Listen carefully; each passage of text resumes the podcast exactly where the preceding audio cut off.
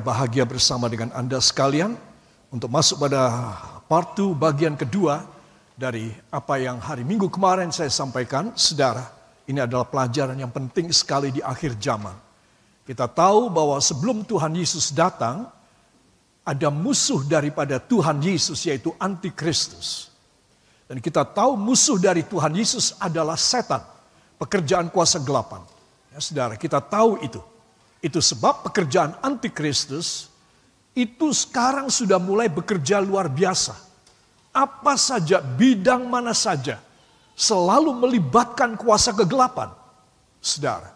Nah, kalau seorang anak Tuhan tidak mempunyai kekuatan ilahi di dalam hidupnya, lalu apa keistimewaannya? Mereka akan terhempas dan mereka akan masuk dalam neraka. Sama seperti yang lain. Baptisan air mereka percuma, jamuan kudus mereka percuma, urapan minyak pada dahi mereka percuma. Ya, saudara. Jadi saudara mesti tahu bahwa pekerjaan iblis ini bukan sesuatu yang harus kita remehkan. Tapi kita juga tidak boleh ketakutan, tetapi kita harus melatih iman kita. Bahwa kita harus berkemenangan terhadap semua pekerjaan kuasa kegelapan. Amin. Termasuk perdukunan, mistik, dan segala tradisional yang melanggar firman Tuhan. Ya, kita akan membuka Alkitab kita dalam 2 Tesalonika pasal yang kedua, ayat 9 sampai dengan ayat yang ke-12 lebih dahulu. 2 Tesalonika pasal yang kedua para kekasih, ayat yang ke-9 sampai dengan ayat yang ke-12. Mari kita akan membaca juga di rumah saudara dengan suara. Satu, dua. Kedatangan si pendurhaka itu adalah pekerjaan iblis dan akan disertai rupa-rupa perbuatan ajaib, tanda-tanda dan mujizat-mujizat palsu dengan rupa-rupa tipu daya jahat terhadap orang-orang yang harus binasa ulangi, terhadap orang-orang yang harus binasa karena mereka tidak menerima dan mengasihi kebenaran yang dapat menyelamatkan mereka.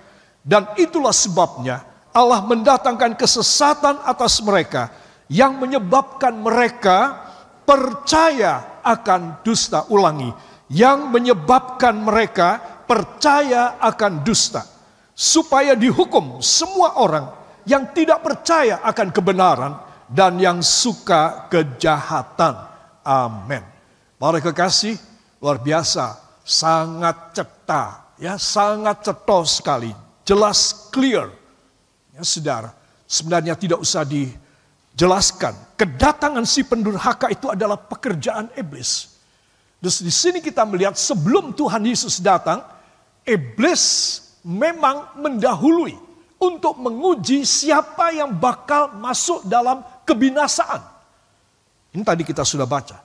Ya, saudara. Nah, bagaimana iblis bisa mengambil orang-orang untuk masuk dalam kerajaan nerakanya, yaitu mereka manusia, saudara, yang tidak setia kepada Tuhan diberi satu karunia negatif. Karunia apa? Negatif. Karunia yang celaka oleh Tuhan. Apa karunianya? Percaya pada kebohongan. Saudara, anak-anak Tuhan yang sungguh-sungguh tidak mendapat karunia percaya pada kebohongan. Hanya mereka yang sudah ditentukan untuk dibinasakan. Apa sebab? Karena mereka menolak ajaran yang benar. Katakan menolak firman. Maka diberi roh kebohongan. Saudara, jadi kita bisa tahu ya, orang-orang yang menolak firman Tuhan itu oleh Tuhan diberi karunia yang cilaka. Yaitu mereka percaya pada kebohongan, tapi mereka tidak percaya pada kebenaran. Saudara, supaya apa? Supaya mereka dijadikan korban oleh si pendurhaka yaitu antikristus dibawa masuk dalam neraka. Ya, saudara, orang-orang yang ada dalam kebenaran tidak bisa dibawa oleh mereka. Saudara, karena orang-orang yang ada dalam kebenaran selalu ada di dalam perlindungan, proteksi ilahi yang dahsyat. Amin itu sebab orang-orang yang tidak di dalam kebenaran, mereka itu adalah target yang terbuka bagi si pendurhaka, bagi antikristus. Nah, antikristus bekerja sekarang dengan rupa-rupa mujizat-mujizat palsu. Katakan yang palsu. Itulah yang dikerjakan. Palsu itu berarti saudara adalah sesuatu yang tidak asli. Jadi mujizat mereka, kesembuhan yang mereka beri, kekayaan yang mereka beri, ya saudara, keberhasilan sampai mencapai pangkat dan tingkat yang tinggi yang mereka beri. Ya saudara, melalui kuasa kegelapan banyak orang cari pangkat, banyak orang cari kekayaan, banyak orang cari jabatan. Juga banyak orang yang mencari istri dan suami dengan cara demikian. Saudara. Nah, kepada mereka Tuhan akan menghukum. Semua yang palsu itu semua hanya sementara saja. Dan karena yang dipalsu adalah buatan Tuhan, maka Tuhan murka. Tuhan apa? Murka. Jadi semua orang yang percaya pada mistik dan kuasa gelapan perdukunan akan dimurkai oleh Tuhan. Saudara. Dan ini tidak main-main, saudara. Karena ini adalah pekerjaan iblis yang marak sekali. Saudara, saudara pikir pandemi COVID-19 itu marak? Oh, sebelum ada COVID-19. Dan mungkin pandemi ini akan selesai. Yang satu ini tidak akan selesai. Yang satu ini sejak zaman dahulu kala, Lucifer, bintang kejora, dibanting oleh Allah ke bumi dan menjadi setan. Dari sejak itu. Dari sejak zaman kitab kejadian. Sejak itu sampai nanti bumi selesai, kiamat. Saudara, pekerjaan iblis ini marak luar biasa. Pandemi virus, bakteri, baksil berhenti. Ya saudara, bisa berhenti. Tapi pekerjaan mistik dari kuasa gelapan tidak pernah berhenti. Sampai Tuhan datang di angkasa dan semua selesai. Iblis dan kawan-kawannya dimasukkan di dalam neraka yang luar biasa yang diciptakan baru oleh Allah. Bukan neraka yang sekarang, kurang canggih. Neraka yang sekarang dihancurkan dan diganti dengan yang namanya lautan api dan belerang yang tidak pernah berhenti. Saudara yang kekasih, itu sebab saya dan saudara perlu kita mengerti dengan jelas skenario dari drama akhir zaman ini. Yaitu bahwa saudara dan saya, kita ada pada penghujung zaman ini, di mana pekerjaan kuasa kegelapan itu luar biasa. Ya, itu sebab tema kita pada bagian kedua ini, sucilah. Sucilah dari pengaruh. Saya tidak katakan lepaslah atau bersihlah. Saya katakan sucilah. Saudara, kalau saudara lepas, saudara bisa kena lagi.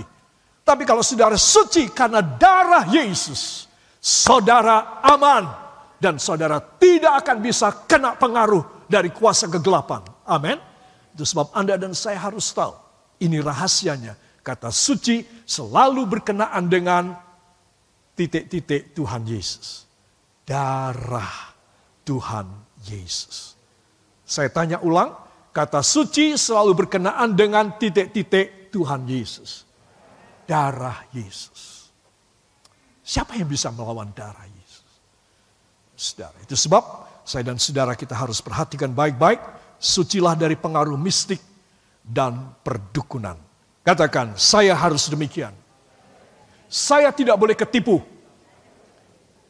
Tipu muslihat iblis berakibat hukuman kekal di api neraka. Ya, para kekasih, inilah yang perlu saya sampaikan sekali lagi. Saudara, kedatangan si pendurhaka adalah pekerjaan iblis. Jadi saya dan Anda hidup pada zaman pekerjaan iblis. Kalau kita cuma samar-samar pekerjaan Tuhannya, pekerjaan Tuhannya yang ada pada kita samar-samar, saudara, tidak sungguhan, hanya kamuflase, hanya ilusi saja, maka kita ada pada pekerjaan iblis yang kuat. Tapi kalau kita ada pada pekerjaan Tuhan yang sungguh-sungguh nyata dalam hidup kita, kesungguhan kita kepada Tuhan itu akan membawa kita bisa mengatasi si pendurhaka, yaitu pekerjaan iblis. Ya, para kekasih, saya tunjukkan gambar ini kira-kira pelukis memberikan gambar ini, ini gambar montase, ibu gembala yang bikin. Ya, ini mata iblis. Ganteng ini saudara, ya. Mata iblis itu ganteng sekali. Dan dia tidak dalam bentuk iblis. Dan dia itu sangat mencari orang-orang yang bisa diterkamnya. Ya saudara. Dari 2 Tesalonika 2 ayat 9 sampai 12 tadi, saudara. Pertama, ada ajaib dan mujizat palsu. Kedua, tipu daya jahat bagi yang harus masuk neraka. Bagi yang harus masuk neraka. Berarti Tuhan menetapkan seseorang Barangkali dia baru umur 11 tahun, masih anak-anak.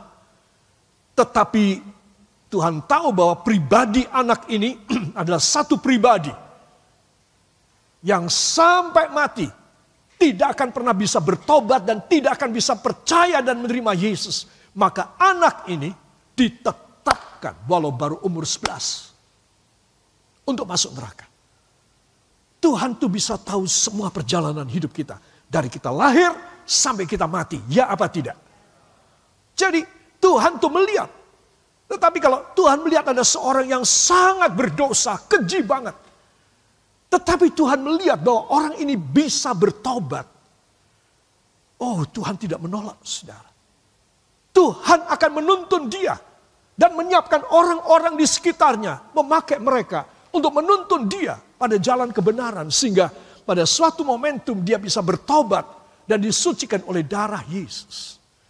Tetapi siapa yang ditentukan oleh Allah adalah orang-orang yang memang tidak bisa berubah dan tidak mau bertobat. Saya bilang umur 11 tahun barangkali. Saya bilang umur 99 tahun barangkali. Siapa pun. Itu sebab para kekasih. Tipu daya jahat bagi yang harus masuk neraka. Jadi saya dan saudara kita harus berdoa Supaya anggota keluarga kita, katakan anggota keluarga saya, tidak ada yang ditentukan untuk masuk neraka demi nama Yesus. Amin. Beri tepuk tangan bagi dia. It is a very fact that we face right now. Because we are at the end, edge of this century, edge of this age. That's why we have to confirm around us, our family, our friends as well, so that they will come to Jesus Christ and receive Him as their Savior, and they will be saved.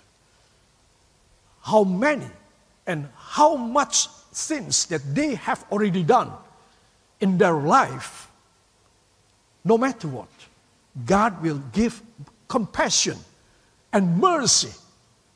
But if someone heart is very hard in the heart of them, but Jesus Christ will punish them and decide them to become into the hell forever and ever with the Satan, with the Lucifer.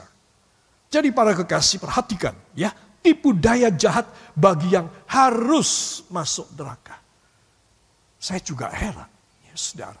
Berarti ini orang memang gak bisa berubah. Tuhan memberi kesempatan barangkali sudah 77 kali. Tuhan memberi kesempatan begitu banyak barangkali. Orang ini akan tetap keras hatinya. Saudara, ya, itu sebab para kekasih kita harus perhatikan. Yang ketiga,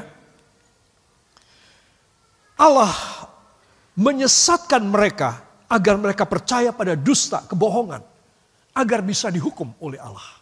Ya, saya sudah jelaskan tadi. Jadi ada tiga aspek, saudara, dari pekerjaan si pendurhaka. Satu, keajaiban, tanda-tanda mujizat palsu. Dua, tipu daya jahat bagi yang harus dihukum kekal. Dan tiga, Allah memberi dalam pikiran, dalam kebijaksanaan orang-orang yang harus dihukum, yaitu mereka percaya kepada dusta mereka percaya pada ke kebohongan. Saudara, bukan bohong hal-hal dunia sekarang ini. Tapi bohong pada kebenaran firman. Iblis selalu memutar balik dan membuat kebenaran menjadi kebohongan. Nah, ini yang dipercaya oleh mereka. Itu sebab Tuhan akan menghukum mereka. Ya, semoga ini menjadi jelas para kekasih. Ada unsur setan di hidup maka tersiksa seumur hidup. Sudah. Itu sebab kita melihat dalam Roma 16 ayat 20 kita akan buka bersama surat Roma pasal yang ke-16 ayat yang ke-20 para kekasih. Satu, dua. Semoga Allah sumber damai sejahtera segera akan menghancurkan iblis di bawah kakimu. Kasih karunia Yesus Tuhan kita menyertai kamu. Amin.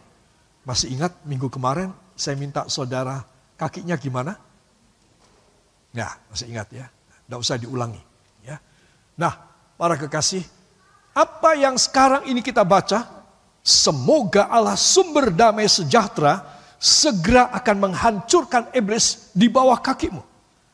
Ya, saudara, dan inilah yang menjadi kekuatan kita menghadapi si pendusta, ya, si pendurhaka, yaitu kasih karunia Tuhan, ya, sumber damai sejahtera akan menghancurkan iblis segera di bawah kakimu. Katakan segera di bawah kaki saya. Ya. Para kekasih, inilah unsur setan di hidup ada beberapa hal ingatan, pengaruh, bisikan, tindakan. Ingatan di memori, barangkali kita tidak melakukan, tapi orang tua kita melakukan. Kita masih ingat masa kecil, Ketika orang tua kita ngapa-ngapa-ngapa, menyembah berhala dan lain sebagainya. Itu kita belum minta disucikan. Jadi sampai gede, sampai dewasa, sampai tua kita masih ingat. Nah itu harus dibuang. Memori tentang kuasa kegelapan. Saudara ya. Kemudian kalau itu didiamkan, itu berpengaruh dan mempengaruhi kita. Ya saudara, sehingga kita terpengaruh sekali sehingga apa yang terjadi? Kita didatangi oleh iblis. Kamu percayakan pada apa yang aku lakukan tempo dulu dari orang tuamu, dari kakek moyangmu dahulu? Kamu percayakan? Masih kamu ingat benar kan? Ya, kamu di tempat sana dan bagaimana kakek nenekmu atau orang tuamu menceritakan kepada kamu. Nah, mulai terpengaruh. Dan dia mulai bisikin, aku juga akan membantu kamu sekarang, kata bisikan iblis. Aku juga akan menolong dan menyelamatkan kamu. Sehingga kita bertindak. Ya saudara, empat unsur ini adalah empat dimensi daripada pekerjaan iblis. Ya, Para kekasih, itu sebab saya ingin mengajak semua saudara memperhatikan. Ya, Semua pekerjaan perdukunan, Allah melarang dan melawan. Ayo kita baca Allah melarang dan melawan semua pekerjaan perdukunan. Ya.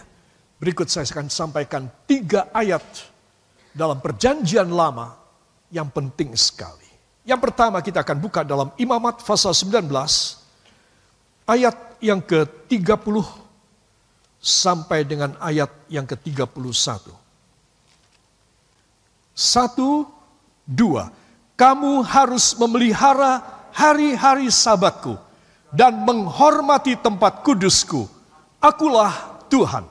Janganlah kamu berpaling kepada arwah atau kepada roh-roh peramal. Janganlah kamu mencari mereka dan dengan demikian menjadi najis karena mereka. Akulah Tuhan Allahmu. Amin. Dus orang yang mencari nasihat ataupun mencari keselamatan atau mencari pertolongan kepada perdukunan arwah-arwah orang tua ataupun orang-orang yang dituakan yang menjadi legenda pada waktu tersebut atau pada zaman dahulunya saudara orang-orang yang mencari dari arwah-arwah ya saudara dan roh-roh peramal maka itu menjadi kenajisan karena mereka.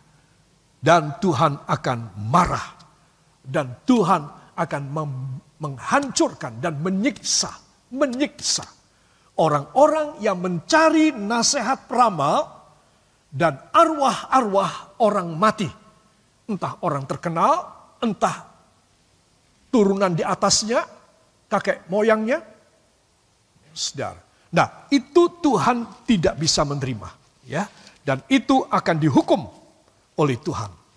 Ini adalah pencatatan yang pertama tentang ancaman, larangan dan ancaman dari Tuhan. Yang kedua, Yesaya 8 ayat 19 sampai 22. Yesaya 8 ayat 19 sampai 22, saya undang kita bangkit berdiri, agak panjang kita akan membacanya. Satu, dua. Dan apabila orang berkata kepada kamu, mintalah petunjuk kepada arwah dan roh-roh peramal yang berbisik-bisik dan komat kamit. Maka jawablah, bukankah suatu bangsa patut meminta petunjuk kepada Allahnya? Atau haruskah mereka meminta petunjuk kepada orang-orang mati bagi orang-orang hidup? Carilah pengajaran dan kesaksian. Siapa yang tidak berbicara sesuai dengan perkataan itu, maka baginya tidak terbit fajar. Mereka akan lalu lalang di negeri itu, melarat dan lapar. Dan apabila mereka lapar, mereka akan gusar dan akan mengutuk rajanya dan Allahnya. Mereka akan menengadah ke langit dan akan melihat ke bumi. Dan sesungguhnya hanya kesesakan dan kegelapan, kesuraman yang mengimpit dan mereka akan dibuang ke dalam kabut. Amin. Terima kasih, silahkan duduk kembali. Kalau saudara dalam kesusahan, dalam kebingungan, dalam membuat satu apa namanya decision, keputusan, saudara tidak bisa, lalu ada orang menasehati saudara. Datang kepada peramal, datang kepada suhu, datang pada paranormal, datang pada orang-orang yang arwah-arwah yang bisa memanggil arwah. Saudara, maka saudara akan kena hukum. Ya. Nah, tadi kita sudah baca dan mereka baginya tidak terbit fajar. Apa artinya? Malam terus menerus, gelap gulita. Apa artinya? Dalam neraka. Sudah. Mereka akan hidup tidak ada fajar dalam kegelapan yang sama sekali. Saudara, mereka akan lalu lalang di negeri itu melarat, lapar, mereka akan gusar mengutuk rajanya dan Allahnya. Mereka akan menengadah ke langit, melihat ke bawah ke bumi. Hanya kesesakan dan kegelapan, kesuraman yang mengimpit. Dan akhirnya mereka akan dibuang ke dalam kabut. Kata kabut ini berarti kekekalan. Yaitu dalam api neraka. Jadi para kekasih, pencatatan Alkitab dalam perjanjian lama yang kedua sangat-sangat mengancam Selain tiga rangkaian ayat, nanti satu lagi, tiga ini ada puluhan yang lain dalam perjanjian lama. Tapi saya hanya memetik tiga yang menjadi backbone, tulang punggung dari larangan dan ancaman Tuhan terhadap segala pekerjaan kuasa perdukunan dan kuasa kegelapan. Ya saudara, sebab kita harus tahu membedakan nasihat apa yang saudara tidak boleh lakukan. Saudara, nasihat apa yang saudara dilarang melakukan. Bahkan saudara akan kena ancaman Allah. Yaitu kalau saudara pergi ke roh petenung, peramal, dukun, dan hal-hal mistik yang lain. Maka itu jemaat ini akan disucikan oleh Tuhan. Amin. Melalui apa? Melalui kesungguhan hati kita mendengar kebenaran. Saudara, Kan ini satu kenajisan. Kekotoran yang paling najis di hadapan mata Allah. Adalah penyembahan berhala dan penyembahan roh-roh. Jadi saya dan saudara kita harus memperhatikan Allah melarang dan melawan dan mengancam. Ancamannya. Saudara, pencatatan perjanjian lama yang ketiga ada juga pada Yesaya. Pasal yang ke-47 para kekasih. ayat 12 sampai dengan ayat yang ke-15 saya undang kembali kita bangkit berdiri bersama. Yesaya 47 ayat 12 sampai 15. Satu, dua, bertahan sajalah dengan segala mantramu dan sihirmu yang banyak itu. Yang telah kau repotkan dari sejak kecilmu. Mungkin engkau sanggup mendatangkan bantuan. Mungkin engkau dapat menimbulkan ketakutan. Engkau telah payah karena banyaknya nasihat. Biarlah tampil dan menyelamatkan engkau. Orang-orang yang meneliti segala penjuru langit yang menilik bintang-bintang dan yang pada setiap bulan baru memberitahukan apa yang akan terjadi atasmu. Sesungguhnya mereka sebagai jerami yang dibakar api. Mereka tidak dapat melepaskan nyawanya dari kuasa nyala api. Api itu bukan bara api untuk memanaskan diri, bukan api untuk berdiam. Demikianlah faedahnya bagimu dari tukang-tukang jampi itu yang telah kau repotkan dari sejak kecilmu. Masing-masing mereka terhuyung-huyung ke segala penjuru jurusan. Tidak ada yang dapat menyelamatkan mereka. Amin. Terima kasih. Silakan duduk kembali. Saudara yang kekasih perhatikan, Tuhan seolah-olah menantang bertahan sajalah dengan segala mantramu, sihirmu yang banyak Ya, dari sejak kecilmu. Mungkin engkau sanggup mendatangkan bantuan. Mungkin engkau dapat menimbulkan ketakutan pada orang-orang yang kau bikin. ya, saudara. Biarlah tampil dan menyelamatkan engkau orang-orang yang meneliti segala penjuru langit. Saudara, sampai saat ini selalu aja ada horoskop, perbintangan, ya saudara dan segala ramalan biasanya pada setiap bulan baru, tanggal muda, keluarlah ramalan apa. Nah, itu ada di sini. Ya, saudara. Yang pada setiap bulan baru memberitahukan apa yang akan terjadi atasmu. Oh bintangmu ini apa? Oh bintangmu ini adalah Sagittarius. Ya. Bintangmu apa lagi? Oh bintangmu adalah Lea Leo. Ya. Itu pada awal bulan keluar ramalannya. Tolong jangan memakai baju biru. Ya. Tolong rambutnya sisirnya diwali. Dan lain sebagainya. Ya saudara. Kalau saudara masih suka pada horoskop. Saudara masih suka pada ilmu-ilmu ramalan perbintangan.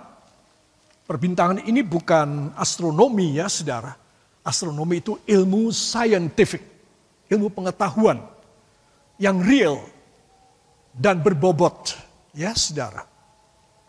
Tetapi ini orang-orang yang selalu mengatakan, aku bisa meramal dari melihat bintang. Dan ini tidak main-main, ini adalah musuh Allah. Tahukah saudara dari 10 hukum Taurat, hukum nomor satu apa? Jangan ada ilah lain selain daripada aku. Itu hukum pertama. Saudara. Jadi itu nomor satu. Ditaruh nomor satu. Saudara. Jadi kalau orang percaya pada perdukunan, Anda mau pindah rumah, Anda mau melahirkan, Anda mau mati, Anda mau kawin, Anda mau apalah. Anda memakai cara begitu. Cepat segera minta ampun. Sebab kalau tidak, engkau ada pada ancaman Tuhan. Ingat loh, Tuhan itu maha kuasa. Tapi dia maha jatuh hati. Maha pemurah. Amin. Kalau saya dan saudara ketika saat ini kita minta ampun, masih diampuni. Amin. Masih diampuni.